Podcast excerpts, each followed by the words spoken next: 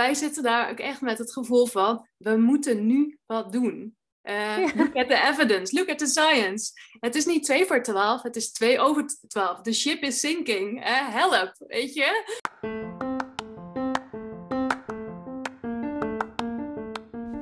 Dit is de Klimaatdokter Podcast. De podcast voor de klimaatbewuste arts. Tips, achtergronden en interviews met inspirerende collega's. Ik ben klimaatdokter Anne.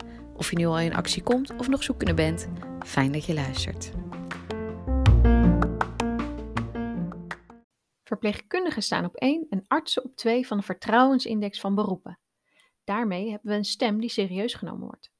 Vandaag spreek ik met drie inspirerende vrouwen die een grote impact maken door deze stem in te zetten.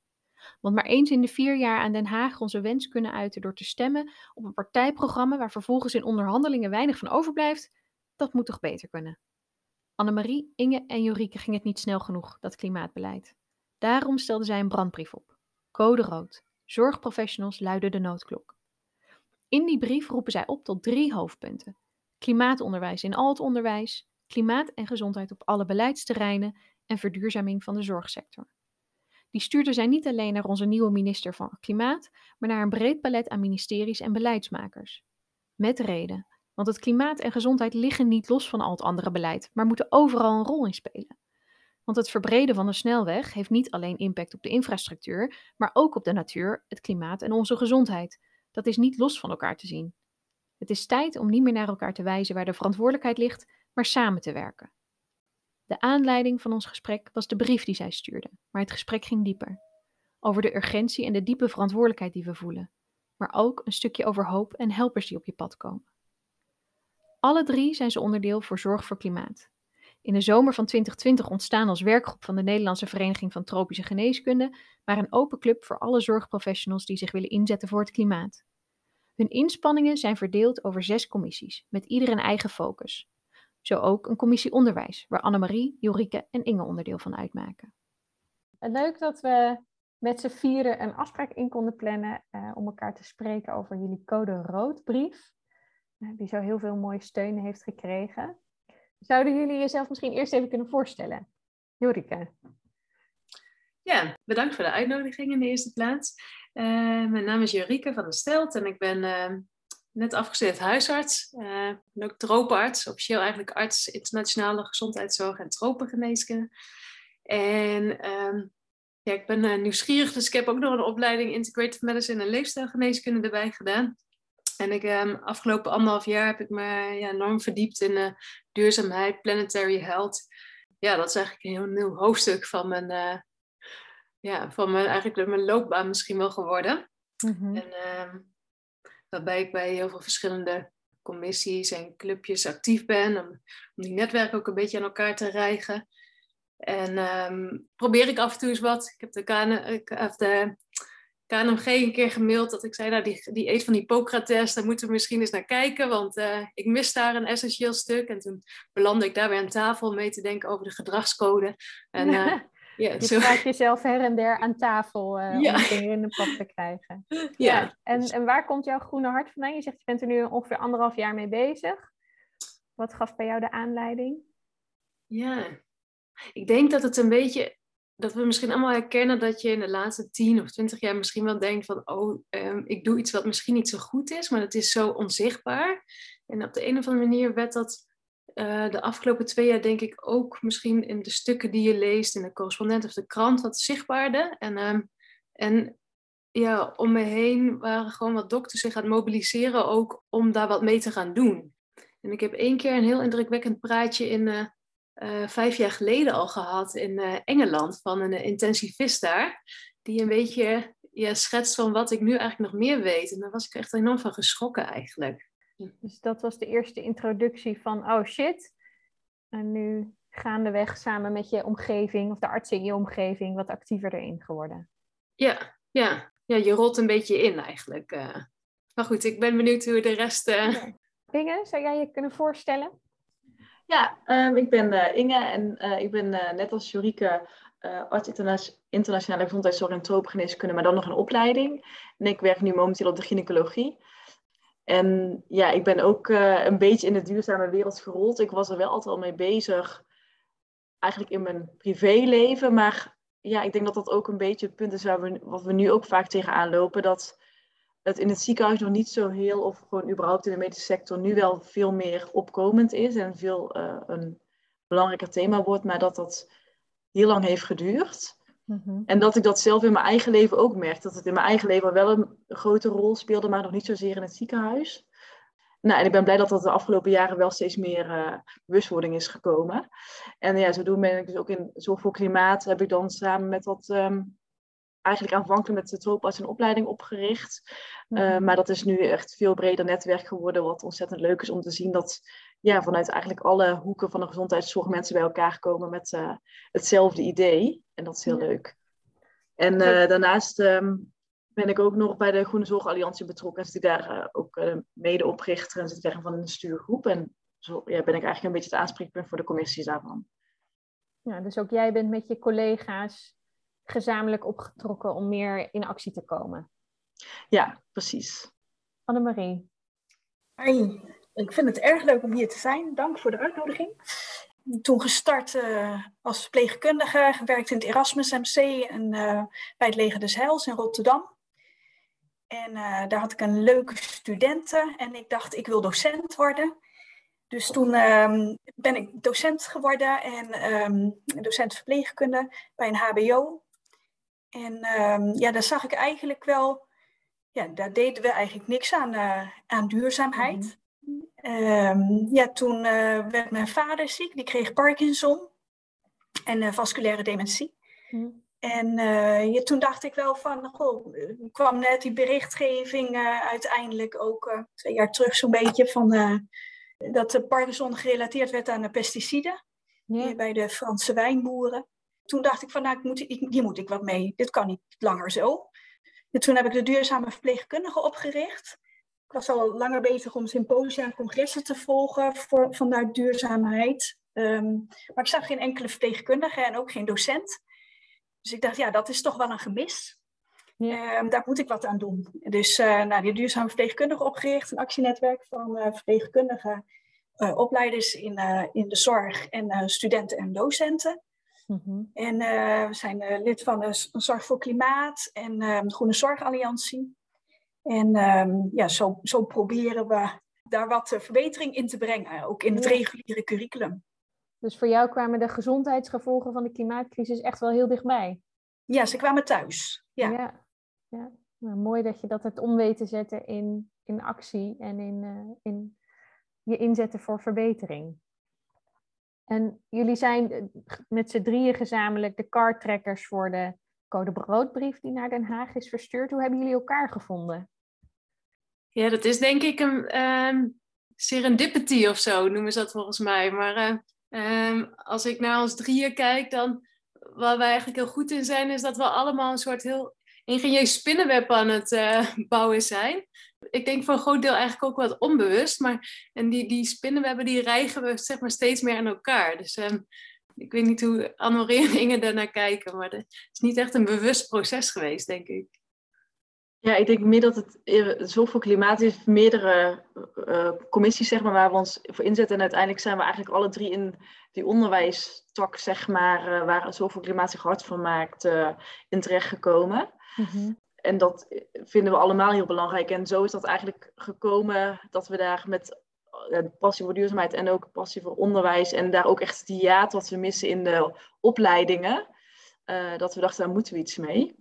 Ja. En, dus eh, jullie kwamen alle drie terecht bij Zorg voor Klimaat of waren bij de oprichting betrokken en hadden alle drie zagen een goede kans om verbetering aan te brengen in het onderwijs. Ja, onze luispreuk is van uh, de onderwijscommissie, uh, stond ik altijd bovenaan van Nelson Mandela, education is the most powerful weapon to change the world. Dus dat, ja, dat, dat is wel echt een beetje ons lijfspreuk ook. Ja. Dus we hebben dat zelf ook wel ervaren. Ehm, eh, want wat wel leuk is aan Zorg voor Klimaat is dat we vanaf het begin af aan eigenlijk vaak elkaar colleges hebben gegeven. Als we een vergadering deden, dan aan het begin was dat iemand die een onderwerp aanstipte. En dan hoorde je eigenlijk van hele, van hele vitale zaken. En dat je eigenlijk dacht van, hé, maar deze informatie is er al heel lang. En waarom hoor ik dit nu pas? Dus dat, ja. Uh... ja, en ik denk dat ik ook wel nou, voor mezelf, maar ook wel voor meer, uh, vooral jonge dokters spreek, dat je als je er zelf in gaat verdiepen en dat ik echt zelf ook met, met ongeloof heb, sommige dingen heb zitten lezen en dat ik echt denk, hoezo weet ik, heb ik hier niks over gehad in mijn opleiding? Ehm, want nu sta je af en toe met je mond vol tanden. Dat je denkt, ja, ik wil hier iets aan doen. Ik zie iets gebeuren, maar ik heb niet echt per se de tools om ehm, ja, die verandering of die aanpassing te maken. Omdat ik het gewoon niet echt geleerd. En dat, dat wil ik, ik hoop gewoon dat voor de toekomstige, nou ja, niet alleen uh, artsen of verpleegkundigen, maar eigenlijk voor iedereen die uh, opgeleid wordt, dat dat verandert. Het is wel heel herkenbaar. Dat ik had zelf ook de verbazing toen ik me erin ging verdiepen van hoe kan het? Ik ben arts en ik ben al een tijdje klimaatbewust en ik wist niet van dat verband tussen zorg en klimaat. En ja, Annemaria vertelde hoe voor jou heel duidelijk dat kwartje viel dat er een verband was. Jorike en Inge, hoe was dat voor jullie? Wanneer viel echt dat kwartje van hey, ons vak heeft ook echt een verband met die klimaatcrisis? toen, ik, ik, heb toen wat gelezen over Planetary Health en toen is eigenlijk een beetje het balletje gaan rollen. En ook toen ik net in opleiding raakte voor de tropenopleiding, was er net een uh, congres geweest over klimaat, of, uh, climate emergency, georganiseerd door de Nederlandse Vereniging voor Tropengeneeskunde. En daaruit was uh, echt urgentie heel erg duidelijk. En toen viel het heel erg ook op zijn plek allemaal, dat je dacht van, ja, zeker ook als strooparts, je bent heel erg gericht op, uh, ja, echt op het grotere geheel en niet alleen maar wat er in jouw land gebeurt. Maar je ziet gewoon zoveel effecten ook ja. over de hele wereld. Um, dat ik echt dacht van ja, wij, en wij zijn natuurlijk ook voor een heel groot deel uh, verantwoordelijk voor de uitstoot. Veel meer dan een boer in Afrika, bij wijze van spreken. Dus het, het, was, het was voor mij en ik denk voor heel veel echt heel duidelijk van er moet nu iets gebeuren. En ja, dan moeten we echt bij onszelf beginnen. Dat herken ik ook wel. Ehm, vooral die tropenartsopleiding, die is zo uh, vitaal geweest. Dat um, de allereerste les van de tropenopleiding is me zo bijgebleven. Omdat het heel erg... Het was eigenlijk heel, heel simpel, maar het was, en, uh, het was eigenlijk de, de, oefening van de waarom-vraag. Dat je eigenlijk vijftien keer moest vragen waarom wordt deze patiënt ziek. En als je dan steeds een laagje afpelt en afpelt en eigenlijk wat steeds meer op dat grotere systeem uit leert zoomen dan kom je uiteindelijk ook bij hele basale kennis. Um, dan moet ik zeggen dat, dat Planetary Health er toen een paar jaar geleden nog niet in zat, maar, maar, maar wel toen ik naar Papua Nieuw-Guinea ging en daar ging werken, dat ik echt die systemen doorzag en dat ik dacht, hé, hey, maar ik kan hier in het gezondheidszorgsysteem niet zoveel betekenen als de andere systemen niet functioneren. Ja. En dat was één. En de andere is ook dat er um, Floortje Dessing is ook bij ons toen op bezoek geweest, heeft daar een mooie documentaire over gemaakt. Na het einde van de wereld. En prachtig uit die jungle getrokken worden. De oliemaatschappij die daar uh, communities eigenlijk ja, toch ontwricht door daar met hun geld aanwezig te zijn. Dus, dus ja, je, je, het is zo tastbaar daar, hè, wat ja. uh, op grote globalisatie, ja, globaliseringsniveau ja. gebeurt. Wat mooi dat inzicht ook. Ik denk dat dat ik weet niet hoe jullie dat zien, maar ik denk dat dat in de zorg hier nog echt wel eens ontbreekt. Hè? Dat het zo'n tunnelvisie is op de patiënt die nu voor je zit. Ja, ik denk dat veel veel mensen het toch moeilijk vinden en het toch te ver van hun bed is. En dat is ontzettend jammer, want het, het wordt het in de toekomst niet. Als je ook al kijkt naar de klimaatvluchtelingen, wat ze voorspellen, daar, ja, dat is echt ook iets. We zien natuurlijk nu al ontzettend veel vluchtelingen. Dat alleen maar meer door de klimaatcrisis. Dus het wordt ja, in die zin, het is ook ons probleem, maar het wordt nog meer ons probleem. Dus ja, ja het is zonde, niet alleen om die reden, maar om veel meer redenen is het uh, belangrijk om er iets aan te gaan doen. Ook als je hart alleen maar binnen de landsgrenzen valt, wordt het, komt het steeds dichterbij. Precies. Uh, ja. ja. Daarom hebben jullie een brief opgesteld. Kunnen jullie misschien vertellen waar jullie toe oproepen in de brief? Ja, wij, uh, wij roepen op tot klimaatonderwijs in al het onderwijs. Ehm, van primair uh, onderwijs tot wetenschappelijk onderwijs. En uh, het is overal van belang. Hè? Dus je, uh, je kan je voorstellen dat als je hart niet ligt bij, bij natuur, al vanaf het eerste moment, dat die liefde voor natuur en voor klimaat, ja, ehm, als die er niet is vanaf het eerste moment, dan draag je er ook wat minder zorg voor later. Dus het is een heel belangrijk. Klimaat en gezondheid op alle beleidsterreinen. Dan kun je ook denken aan preventie. De preventie is, een, is een, natuurlijk een hele belangrijke, want als we, als we ervoor zorgen dat iemand niet ziek wordt en niet in mhm. ons bed belandt, ja, dan, dan hebben we veel minder, uh, minder zorg uh, nodig die we geven. Dus dat ja. uh, spaart alleen maar. En de verduurzaming van de zorgsector zelf, hè, van minder materiaal tot betere recycling, tot betere inkoop, tot productontwikkeling, ja, daar uh, dan spreek ik even voor de, voor de verpleegkundigen, maar daar kunnen wij ook verpleegkundig leiderschap laten zien, door te laten zien van, nou, daar kunnen wij ook uh, een bijdrage aan leveren door uh, te adviseren, door ons te mengen in een inkoopteam, um, door te kijken welke producten zijn, zijn het beste, door te kijken welke producenten kunnen we aanschrijven, um, kunnen we bellen en kunnen we vragen naar een meer duurzame variant van bijvoorbeeld een bekkentje dat soort zaken. Dus echt maak jezelf niet te klein, hoor ik jou zeggen. Ja, verpleegkundig leiderschap is hier een belangrijke in, inderdaad. Ja. ja. En wat maakte dat jullie voor deze drie punten hebben gekozen? Hoe zijn jullie tot die drie punten gekomen?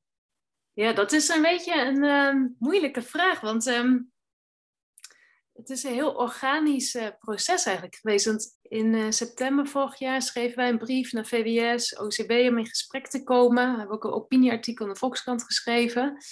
En dat gesprek was toen in december. En dat was een heel aangenaam en uh, ontzettend optimistisch, positief gesprek. Alleen, ja, toen we eigenlijk naar de afspraak van de actiepunten wilden, toen strandde het wat. Dus toen realiseerden we eigenlijk van, want dit hebben we nodig. Dus zo is dat dat, ja, dat die sneeuwbouw eigenlijk steeds wat groter geworden. En, dan elke keer om toch weer naar die waarom-vraag terug te gaan. Hè? Dat je dan elke keer denkt, van, oh, wat is dan het grotere systeem waar, waar we mee te maken hebben? Ja, op een gegeven moment kun je dan niet anders dan naar Den Haag kijken. Um, ja. help ons. Dus eigenlijk uh, in december, toen we niet verder kwamen, zijn we opnieuw eigenlijk een beetje de ronde en gaan van weer toch maar opnieuw een brief gaan schrijven. En waarom uh, denk je dat jullie niet verder kwamen in december? Waar zat de rem? Ja, ik denk ook wel de nieuwe regering die er toen net aankwam. Het was net een beetje op de. Dat net een nieuwe regering zou gaan aantreden. Ze konden nog niet echt heel veel nieuwe uitspraken doen. Het was allemaal nog wat voorzichtig. Dat is het natuurlijk al best wel een tijdje. En met de Green Deal die afliep en hoe gaat het dan verder? Dus het was best lastig. En ook, um, wat ik ook nog frappant vond, was we hadden natuurlijk naar uh, OCW, dus Onderwijs, Cultuur en Wetenschap, een brief gestuurd en ook naar uh, VWS. En uh, eh, OCW zei heel duidelijk, nee, dat is VWS de taak. En toen we dat aan VWS aangaven, van goh, zo, werden, zo dat werd ons verteld, reageerden zij ook een beetje van, oh, nou, dat is niet per se hoe het zit. Dus dat is ook interessant hoe dat dan daar werkt. Ja, ik weet niet of jullie Bounce nog kennen van de spoedeisende hulp. Nou ja, Het is, klinkt een beetje als het bounce binnen de overheid. Uh. Nou ja, precies dat idee krijg je dan ook wel uh, gewoon ja, ook omdat het denk ik soms een beetje nog een ongemakkelijk onderwerp is. Gezondheidszorg en uh, duurzaamheid. Dus ik denk dat, dat er dus meerdere factoren waren die het moeilijk maakten. En omdat er dus nog geen nieuw regeren of regeerakkoord was bijna klaar, waardoor ze nog geen toezegging konden doen. En wel zeiden we gaan over twee, drie maanden wel weer opnieuw in gesprek. Ja. Maar dat was voor ons ja, eigenlijk niet voldoende. Ja, want twee, drie maanden, want um, om toch even nog uh, zeg maar, wij zitten daar ook echt met het gevoel van, we moeten nu wat doen. Uh, Look at the evidence, look at the science. Het is niet 2 voor 12, het is 2 over 12. The ship is sinking. Uh, help, weet je?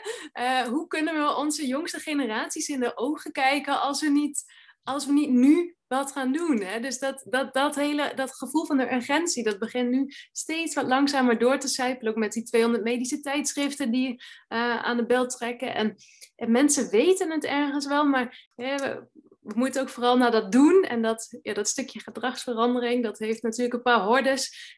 Dus, ja, dus na een enthousiast begin kwam die rem en zaten jullie er eigenlijk een beetje met een mond vol tanden.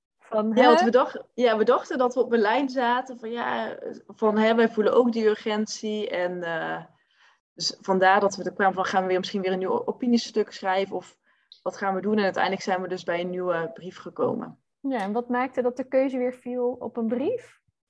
Ja, dat is eigenlijk denk ik ook een beetje zo gelopen. dat we dachten, ja, wat willen we nu precies? Maar we hadden wel weer echt een hele duidelijke boodschap naar, um, naar de overheid.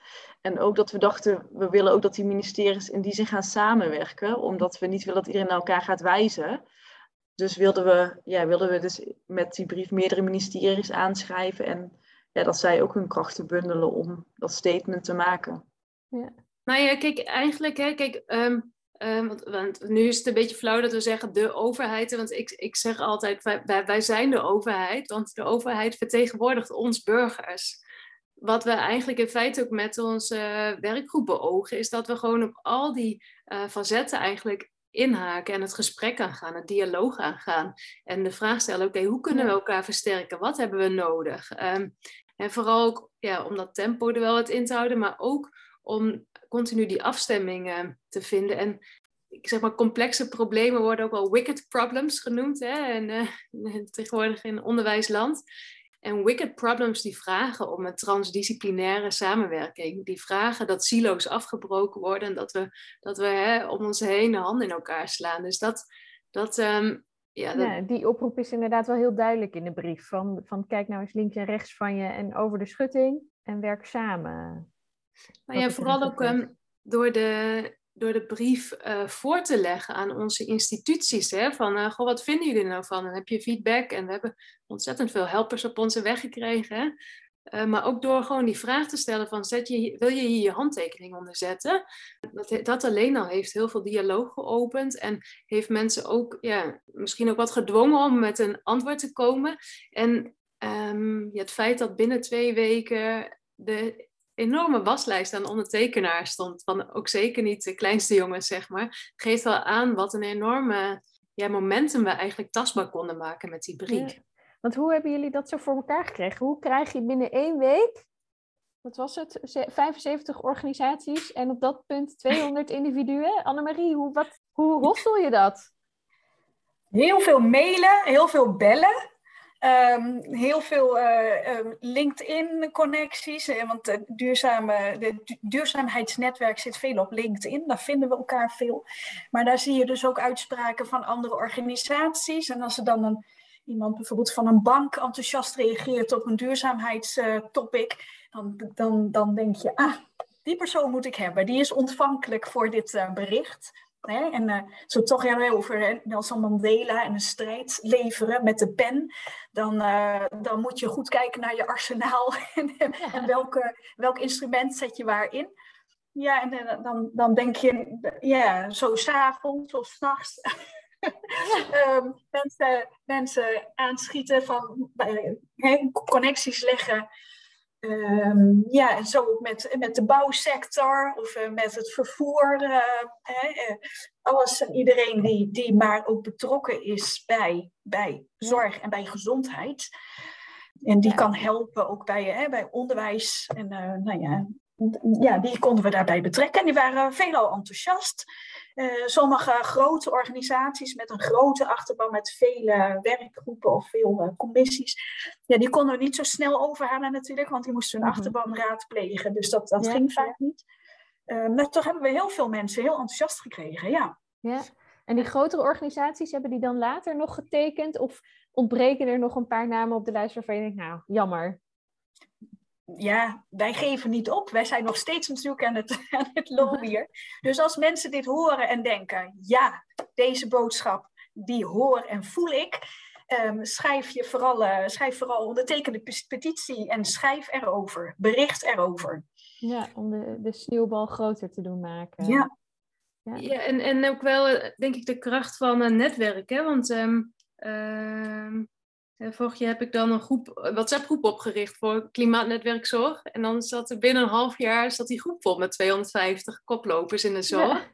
En, um, en we hebben ook echt wel heel veel hulp gehad. Dus, dus door um, uh, hulp te vragen en te zeggen wat we nodig hebben, dan, um, ja, dan gaan er overal weer wat extra radertjes draaien. En dan is er ineens iemand die met een bestuur heeft gepraat. En die binnen de organisatie ook uh, de weg kent ja, om het gesprek aan te gaan.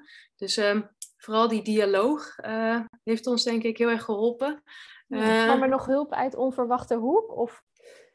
Ja, ik zie dit hele proces een beetje, ik weet niet of je de reis van de held kent, um, van Joseph Campbell. Is een soort stappenplan van waar elk verhaal aan voldoet. En dat heeft altijd te maken met een soort kwestie die je aangaat en onderweg dan uh, kom je een paar helpers tegen en struikel je een keer en moet je het gevecht aan. En op een gegeven moment dan heb je het, zeg maar, uh, de quest doorstaan en is het er. En dit, ja, dit verhaal had het allemaal. Ja, een groot avontuur. En, en zie je deze, het opstellen van deze brief als dan de, de hoofdquest? Of is dat je hele avontuur bij Zorg voor Klimaat en dit is dan een soort klimaat? Ik, ik, ik denk dat bijna nog de daarna pas nog een avontuur eraan vastkwam. Dat was die hele PR-strategie. En daarna ook weer mensen blijven contacten. Want eh, nou ja, het was natuurlijk uh, die hele brief, we kregen heel veel input, wat uh, super, wat ons ontzettend heeft geholpen. Want we hebben daardoor echt wel hele mooie concrete punten kunnen opstellen. Ja. Um, Kun je misschien nog meer vertellen over hoe de in, inhoud tot stand is gekomen? Ja, we hebben het dus naar heel veel mensen gedeeld. Dus ja, via, via, dus via LinkedIn, maar ook veel mensen aangeschreven. En ook gevraagd om daar uh, feedback op te geven. En dan kwamen er vanuit ja, sommige invalshoeken kwamen dan altijd nog wel mooie aanvullingen. Uh, dus we hebben ook vooral iedereen gevraagd van kun je feedback geven? En met, eigenlijk creëer je dan een soort mastermind met elkaar, weet je gewoon een heleboel. En als je, ik denk dat we dat feedback zeg maar naar eer en geweten hebben geprobeerd. Um, maar leuk is wel dat er ook vanuit... Um, vooral gewoon op een informele manier is er veel feedback geweest. Maar dus de, zorgverzekeraars en de kwartiermaker duurzame zorg en de inspectie en de VNVN. En weet je, we hebben gewoon eigenlijk echt elke institutie ook gesproken. En, um, en ik moet ook zeggen, we doen deze podcast nu met z'n drieën, maar um, Arte Groenewegen en Jopke Jamma, twee geneeskundestudenten van uh, de CO2-assistent, die, zijn ook uh, onderdeel van ons team. En um, dat zijn twee enorm getalenteerde ja, girl power moet ik bijna zeggen. uh, um, maar die vertegenwoordigen ook weer een hele uh, groep en generatie. Dus dat, ook die input is wezenlijk van belang geweest. Ja, mooi. Toen ik je onderbrak, Inge, was je aan het vertellen over wat er gebeurde eigenlijk nadat die brief was uitgebracht? Ja, nou toen dachten we, dat was wel heel grappig, toen dachten we, oké, we hebben die brief af. Poeh, last van onze schouder. Toen was het, oké, nu moeten we hem dus gaan versturen.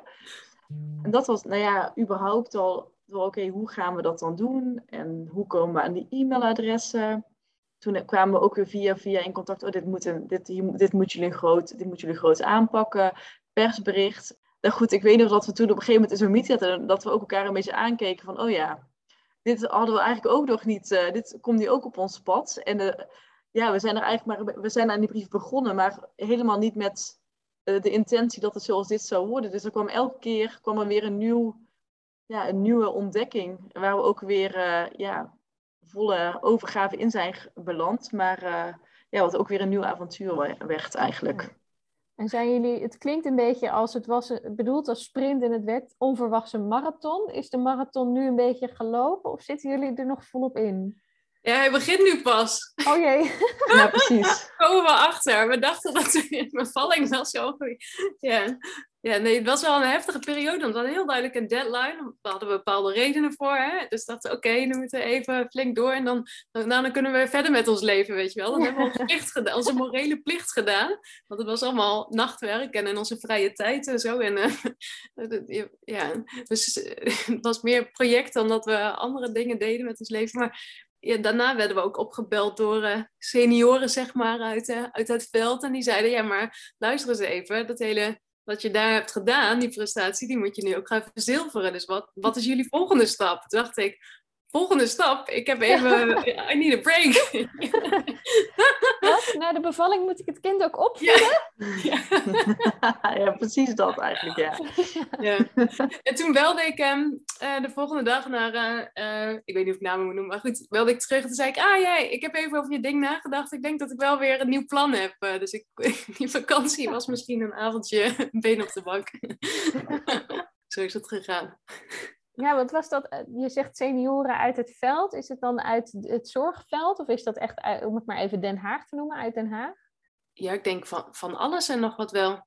Nou, Den Haag, kijk, we hebben ook mensen actief benaderd. Hè? Dus dat, uh, maar we werden ook gewoon gebeld om... Uh, ja, vooral, ik vind vaak, um, weet je, zo de, rond de, de 60-plussers, zeg maar. Dat is altijd een bijzondere generatie. Ik denk dat onze generatie altijd wel, goed mee samenwerkt. Dus die, um, ik, ik, heb al heel vaak meegemaakt dat mensen rond die leeftijd, dat die dan wat, uh, ik noem het altijd sleuteltjes aanreiken. Hè? Wij hebben een soort van uh, een hele moeilijke quest en dan elke keer komt iemand net even een grote of een kleine sleutel aanreiken.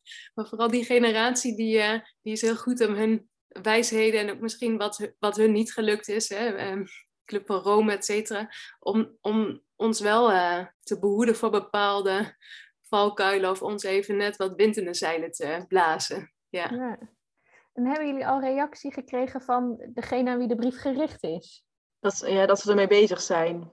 Maar ze zeggen dat het bij meerdere ministeries ligt dat het dus, als we dat ook gaan sluiten, weer opnieuw het aanleveren met uiteindelijk de definitieve uh, ondertekenaars. Omdat dat ook wel belangrijk is. En dan hopen we dat dat weer opnieuw een ingang kan geven of een boost aan uh, onze brief. Ja, van weet je nog, we hadden deze brief gestuurd. Ja. Waren er nog ondertekenaars die jullie vooraf niet verwacht hadden? Ja, ja, ik, nou ja, ik vond het wel geweldig dat er een aantal uh, lectoren ook uh, hebben getekend. Soms op eigen titel, soms uh, vanuit een lectoraat.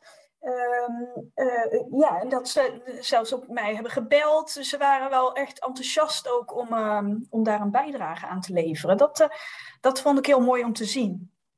Um, en ook uh, mensen van de MBO die ook mij hebben gebeld en ook hebben gezegd van dat ze erachter stonden. Vond ik ook heel krachtig. Ja, en ook succes, je hebt ook wel gevierd. Hè? Dat was ook een tip vanuit het veld, zeg maar, van een van de magische helpers noem ik het maar. dat je elke succes ook gewoon wel even bij moet stilstaan. En um, vorige week heeft, heeft Amsterdam UMC getekend. Ja, dat is natuurlijk dat is gewoon een compliment, zeg maar. Dat is goed en dat is fijn. Het is een organisatie, 16.000 werknemers. En als de raad van bestuur gewoon zegt, wij zetten onze handtekeningen op, dan betekent dus ook gewoon dat ze zeggen, wij gaan hier ook onze verantwoordelijkheid in nemen. Dus dat is wel echt heel hoopvol. En hoe vier je dat dan, die kleine successen of die momentjes? Ik heb een dansje. Een dansje. Ik zie, ik zie Annemarie lachen en knikken, dus jij doet ook even een dansje thuis. Ik herinner me het, uh, het appje van Jorike waarin ja. ze danst. ik, heb een gifje, ik heb een gifje gemaakt. ja. In ieder geval even elkaar opzoeken en even elkaar uh, yes, uh, yes sturen. Dit hebben we maar mooi gedaan.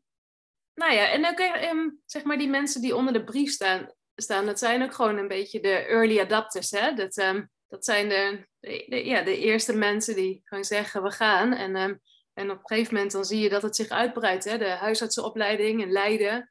Uh, Hedwig Vos is natuurlijk echt goud. Um, die, die, die, die gaat er gewoon voor staan en die zegt, we tekenen daar natuurlijk voor. Dat, dat, is, uh, dat is geen vraag, zeg maar. Dit doen wij. En met dat zij dat voorbeeld stelt, uh, volgen de andere opleidingen. Dus Nijmegen heeft getekend, huisartsenopleiding, Maastricht is in gesprek. Zo, zo groeit het sneeuwbaleffect. Ja. Het is een li lijst met moedige mensen en moedige organisaties. Ja, die wel ergens voor durven staan. Ja, um, Barack Obama, hè, die zei ook, um, wij zijn de eerste generatie die echt, um, het is geen abstract concept meer, die echt de, de, klimaatcrisis nu al zien. Hè? Want ik zag het ook afgelopen jaar in mijn spreekkamer, hooikoorts, et cetera, luchtwegklachten. Hè, maar tegelijkertijd zegt hij ook, en we zijn ook de laatste generatie die er wat aan kan doen.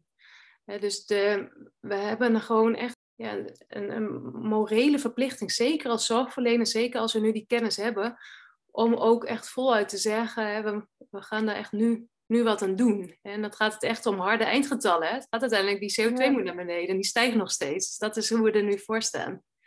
Je vertelde al eerder wat over, hè? je moet het uh, nu gaan verzilveren. Je moet nu niet stilstaan zoals je ergens had gehoopt, even een korte vakantie hiervan te kunnen nemen. Hoe zien die vervolgplannen er nu uit? Nou ja, we beginnen aankomende vrijdag met, het, um, met een dialoog samen met Social Tipping Point en de Duurzame Doorbraak. Dat we gaan proberen om eigenlijk de maatschappelijke organisaties en de zorg te verbinden. En te hopen dat we zo uh, ja, nog een breder draagvlak creëren. Omdat we ook wel vinden dat de zorg, ja, de medewerkers zich ook wat meer mogen uitspreken daarin. En dat wij dus denken dat we een hele belangrijke rol kunnen spelen in die transitie dus we hopen dat dat, een, dat dat een eerste stap is. Maar we willen eigenlijk nog, ja, dat dit nog meer, dat dit echt op de agenda komt in Den Haag. Omdat zij dus ook, um, ja, in ieder geval zich ook uit kunnen spreken naar onderwijsinstellingen. Dat dit echt belangrijk is en dat we hier iets mee moeten. Ja. Uh, en niet over vijf jaar, maar nu. En jullie wachten dus nog een reactie vanuit Den Haag af. Ze zijn ermee bezig. Wat hopen jullie dat de reactie zal zijn? Wat hopen jullie dat de eerste stap vanuit hun zal zijn? Nou, ik hoop, ja. Ik heb niet heel veel illusies dat nu ineens uh, uh, alle sluizen open gaan, zeg maar. Ik heb um, altijd van een transitiekundige geleerd dat um, de echte verandering komt echt vanuit de maatschappij. En dat zie ik ook wel aan ons jonge dokter, studenten. Ook wat, wat wij in de afgelopen anderhalf jaar eigenlijk voor elkaar hebben gebokst. En met wij bedoel ik een, een, een misschien een club van 100 man of verdeeld over wat verschillende organisaties, dan, dan is het echt een bottom-up beweging. En die is echt enorm krachtig. Dus um, wij zorgen vooral gewoon dat, uh, dat de, de, reus die nog een beetje aan het slaven is, dat die uh, op gaat staan. En, en samen zijn we veerkrachtig. Dus ja, ik denk dat we echt een katalysator zijn geweest nu. En dat het, dat het allemaal zaadjes zijn die we planten. En sommige zaadjes die groeien uit tot iets moois en andere zaadjes zijn bedoeld om even te wachten. Uh, en ik hoop dat dit zaadje uitgroeit tot iets moois. En dat kan um, ja, met de juiste voeding, de juiste PR en de juiste mensen die zich, uh, die zich committen hieraan. Um, ja, maar het heeft, het heeft allerlei zaken nodig, weten we natuurlijk. Ja, dus, um, ja, dus ik, ik hoop dat dat, uh, dat, dat ja, de marathon is nog niet gelopen. Af en toe een drinkpost. En af en toe even veters strikken. Ja. maar we zijn er nog. Maar dat, eh, dat weten we nu. Ja, zorg wat beter voor jezelf dan de eerste marathonloper, uh, zou ik zeggen. En het is, uh, jullie hebben echt wel heel concreet, jullie hebben niet alleen die hoofddoelen, hè, klimaat en onderwijs en al het on, klimaatonderwijs en al het onderwijs, klimaat en gezondheid op alle beleidsterreinen en verduurzaming van de zorgsector jullie hebben eigenlijk ook best wel een heel concreet stappenplan van, nou hier, doe het maar zo. Is daar bewust voor gekozen? Annemarie, kun jij daar wat over vertellen? Ja, we hebben natuurlijk heel veel input gehad van heel veel organisaties. En uh, toen werd ons ook wel heel erg duidelijk dat, dat we inderdaad ook moesten nadenken van ja, welke. Uh, we, hebben allemaal dromen en ambities, maar hoe gaan we daar komen en welke stappen kunnen we dan zetten? Welke stappen kunnen we aanbieden ook aan de politiek waar we zelf aan denken? Ja, dus we hebben daar inderdaad in de, in de brief een aantal aanbevelingen gedaan. Uh, om een taskforce bijvoorbeeld uh, in te zetten die daarover na gaat denken. Die, waarin we met elkaar daar ook een krachtig instrument voor hebben. Ja, dus, dus ik denk dat het goed is om, om um, vanuit die brief ook te werken. En ik hoop ook dat de politiek dat, dat inziet, dat die brief gedragen wordt door vele mensen. En dat die stappen dus waard zijn om goed naar te kijken. En in die zin is het ook ehm, als, je, als je goed om je heen kijkt wat er ook in andere sectoren gebeurt, uiteindelijk is het heel simpel boerenverstand. Hè? Um, onderwijs nummer één en transdisciplinaire samenwerking op twee. En zolang je klimaat en gezondheid zeg maar, als basisprincipe neemt en niet bijvoorbeeld um, oneindige economische groei en bruto nationaal product. Hè, dus het is echt een echt omdenken. En um, en eigenlijk echt dat nieuwe verhaal gaan uh, schrijven. En uh, vooral met het, uh, met het nieuwe verhaal met grote hoofdletters, welzijn en langetermijn perspectieven. Ik hoop dus dat de politiek zo moedig is om, om ook te geloven dat die omwenteling van, van gezondheidszorg en, en, en de, het grote veranderen van zo'n econom, economisch systeem, en ook het grote veranderen van het onderwijs, um, dat dat uiteindelijk effect zal hebben voor ons allen, want daarmee hebben we een toekomst. Ja. Het draagvlak is in ieder geval overweldigend, dus uh, we gaan het gewoon doen. ja, heel mooi. En nou ja, Juriek, je vertelde het al echt heel mooi als het een sprookje was, hè, en dat je positief verrast was over alle helpers die op je pad kwamen. Wat hebben jullie nog meer geleerd uit het opzetten van deze actie? Ja, als ik persoonlijk kijk, is het ook gewoon ook wel een persoonlijke transitie, zeg maar, die je doormaakt. Want ja, we hebben daar was uh, ook Inge en Annemarie en ik hebben het daar wel eens wat vaak over gehad. En Anne, ik heb dat ook wel eens van jou in de krant gelezen. Hè? Um, zeg maar dat hele, eigenlijk een beetje de diepe verdriet of rouw om um, de, ja, de staat van ons onze patiëntenplaneet, zeg maar even als dokter gezien.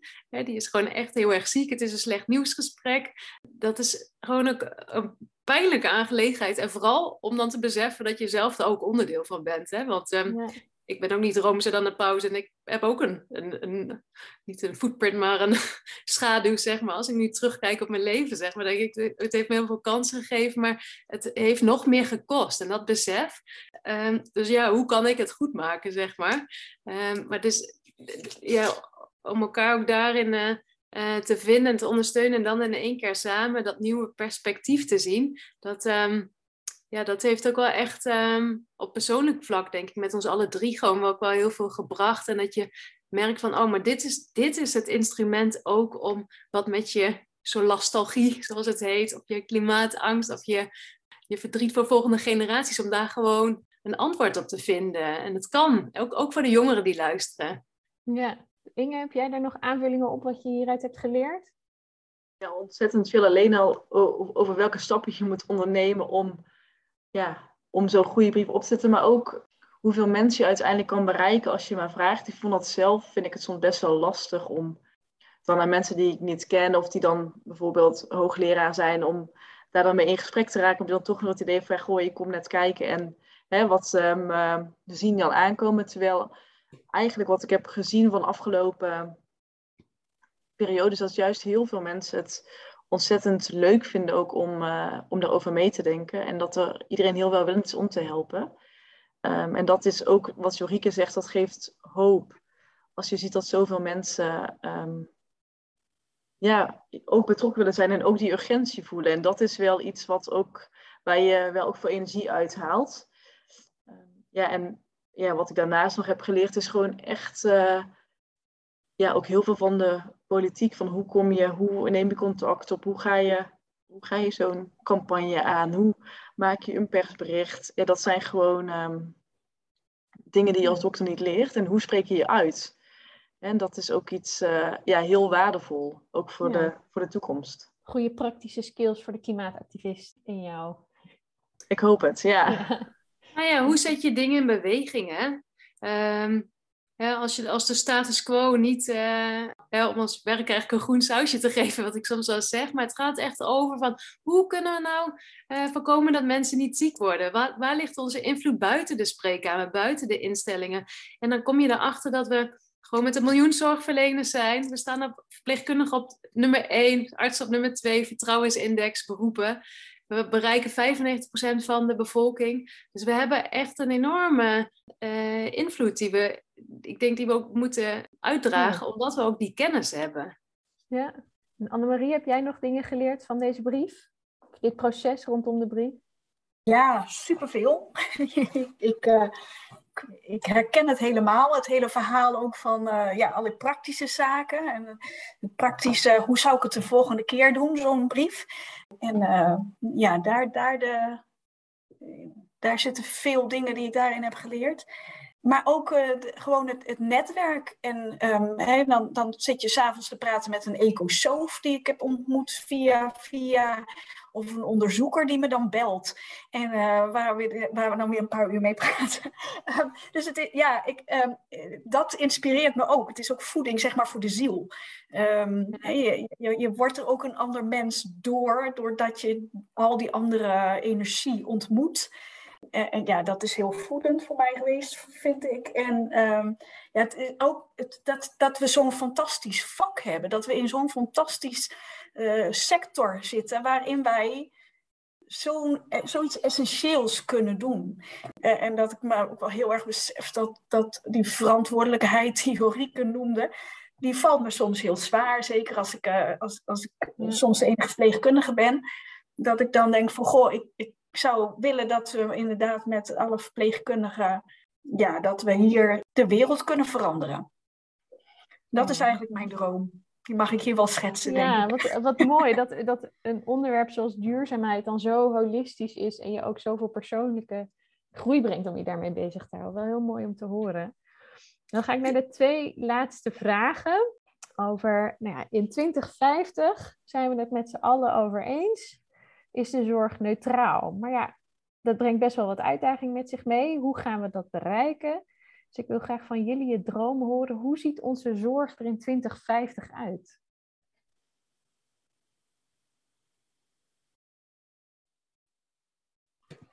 Inge, wil jij beginnen? Ja, dat uh, wil ik zeker. Ik denk gewoon dus dat, er, dat het veel meer op preventie ligt. Dus dat het veel meer om überhaupt, nou het moet dus klimaatneutraal zijn, maar ook om het uh, betaalbaar te houden met de vergrijzing, is het veel meer op positieve gezondheid. Hoe uh, hou je je populatie gezond? Hoe blijf je gezond? Gezonde voeding, uh, gezonde leefstijl, beweging. Maar ook um, in het groen, hè, dat is ook ontzettend belangrijk, groen op recept. ga eens naar buiten in plaats van een, een, een pil voor je um, voor je cholesterol. Dus ik denk dat, daar, dat het daar veel meer naartoe moet, dat het veel meer naar gezondheid moet, in plaats van naar ziekte. Ja, en dat het dan ook veel meer de focus ligt op zinnige zorg. Wat is echt goed om te doen en wat hoeft misschien ook niet. En dat is ook een discussie die we de komende jaren, denk ik, heel erg met elkaar moeten gaan, gaan voeren. Ja, we kunnen steeds meer. Waar houdt het op? Precies, ja. ja. Jorike, heb jij nog aanvullende dromen? Kijk, 2050, hè, maar uh, kijk, 28 februari gaat weer een nieuwe IPCC uh, uh, addendum komen. Ik sprak deze week uh, een van de IPCC-auteurs. Er is geen tijd om tot 2050 te wachten, dat wil ik eigenlijk zeggen. Ja. Dus het is geen um, ver in de toekomst. Hè? Dus, um, dus ik zou eerder zeggen, laat het over twee, twee, 2030 hebben.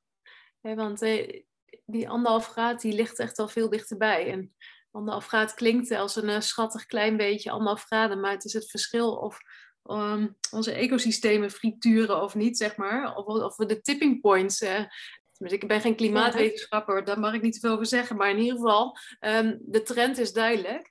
Maar goed, dus ik, ik, ik zou echt vooral willen pleiten dat we.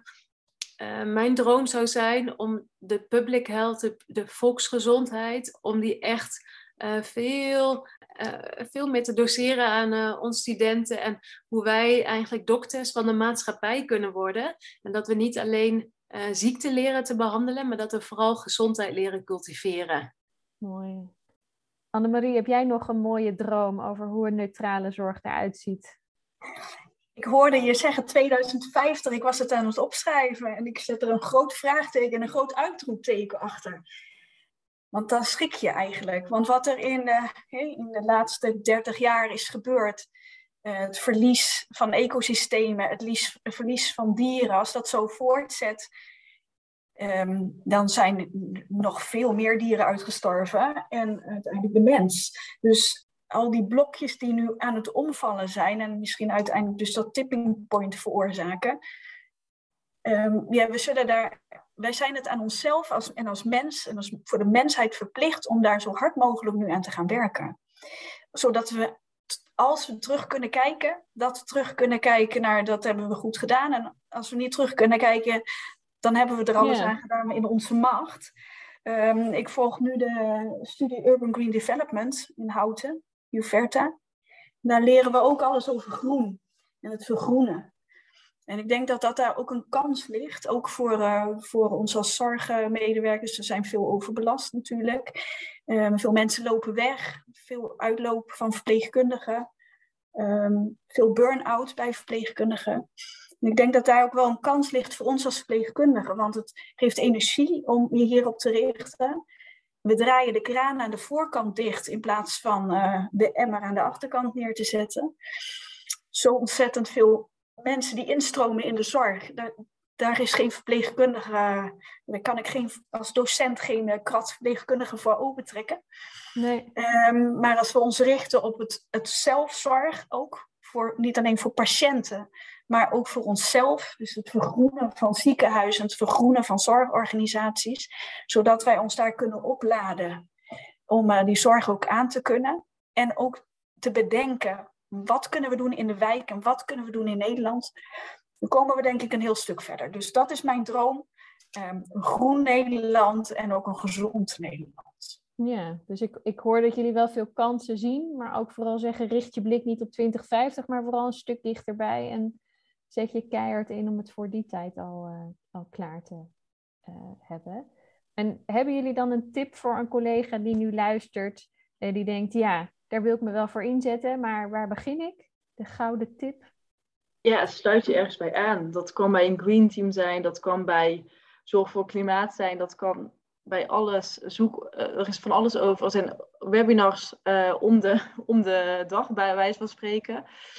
Maar zoek in ieder geval mensen op met wie jij, uh, wie ook die ambitie hebben of die al ergens bij zijn. En probeer je probeer zo in contact te komen.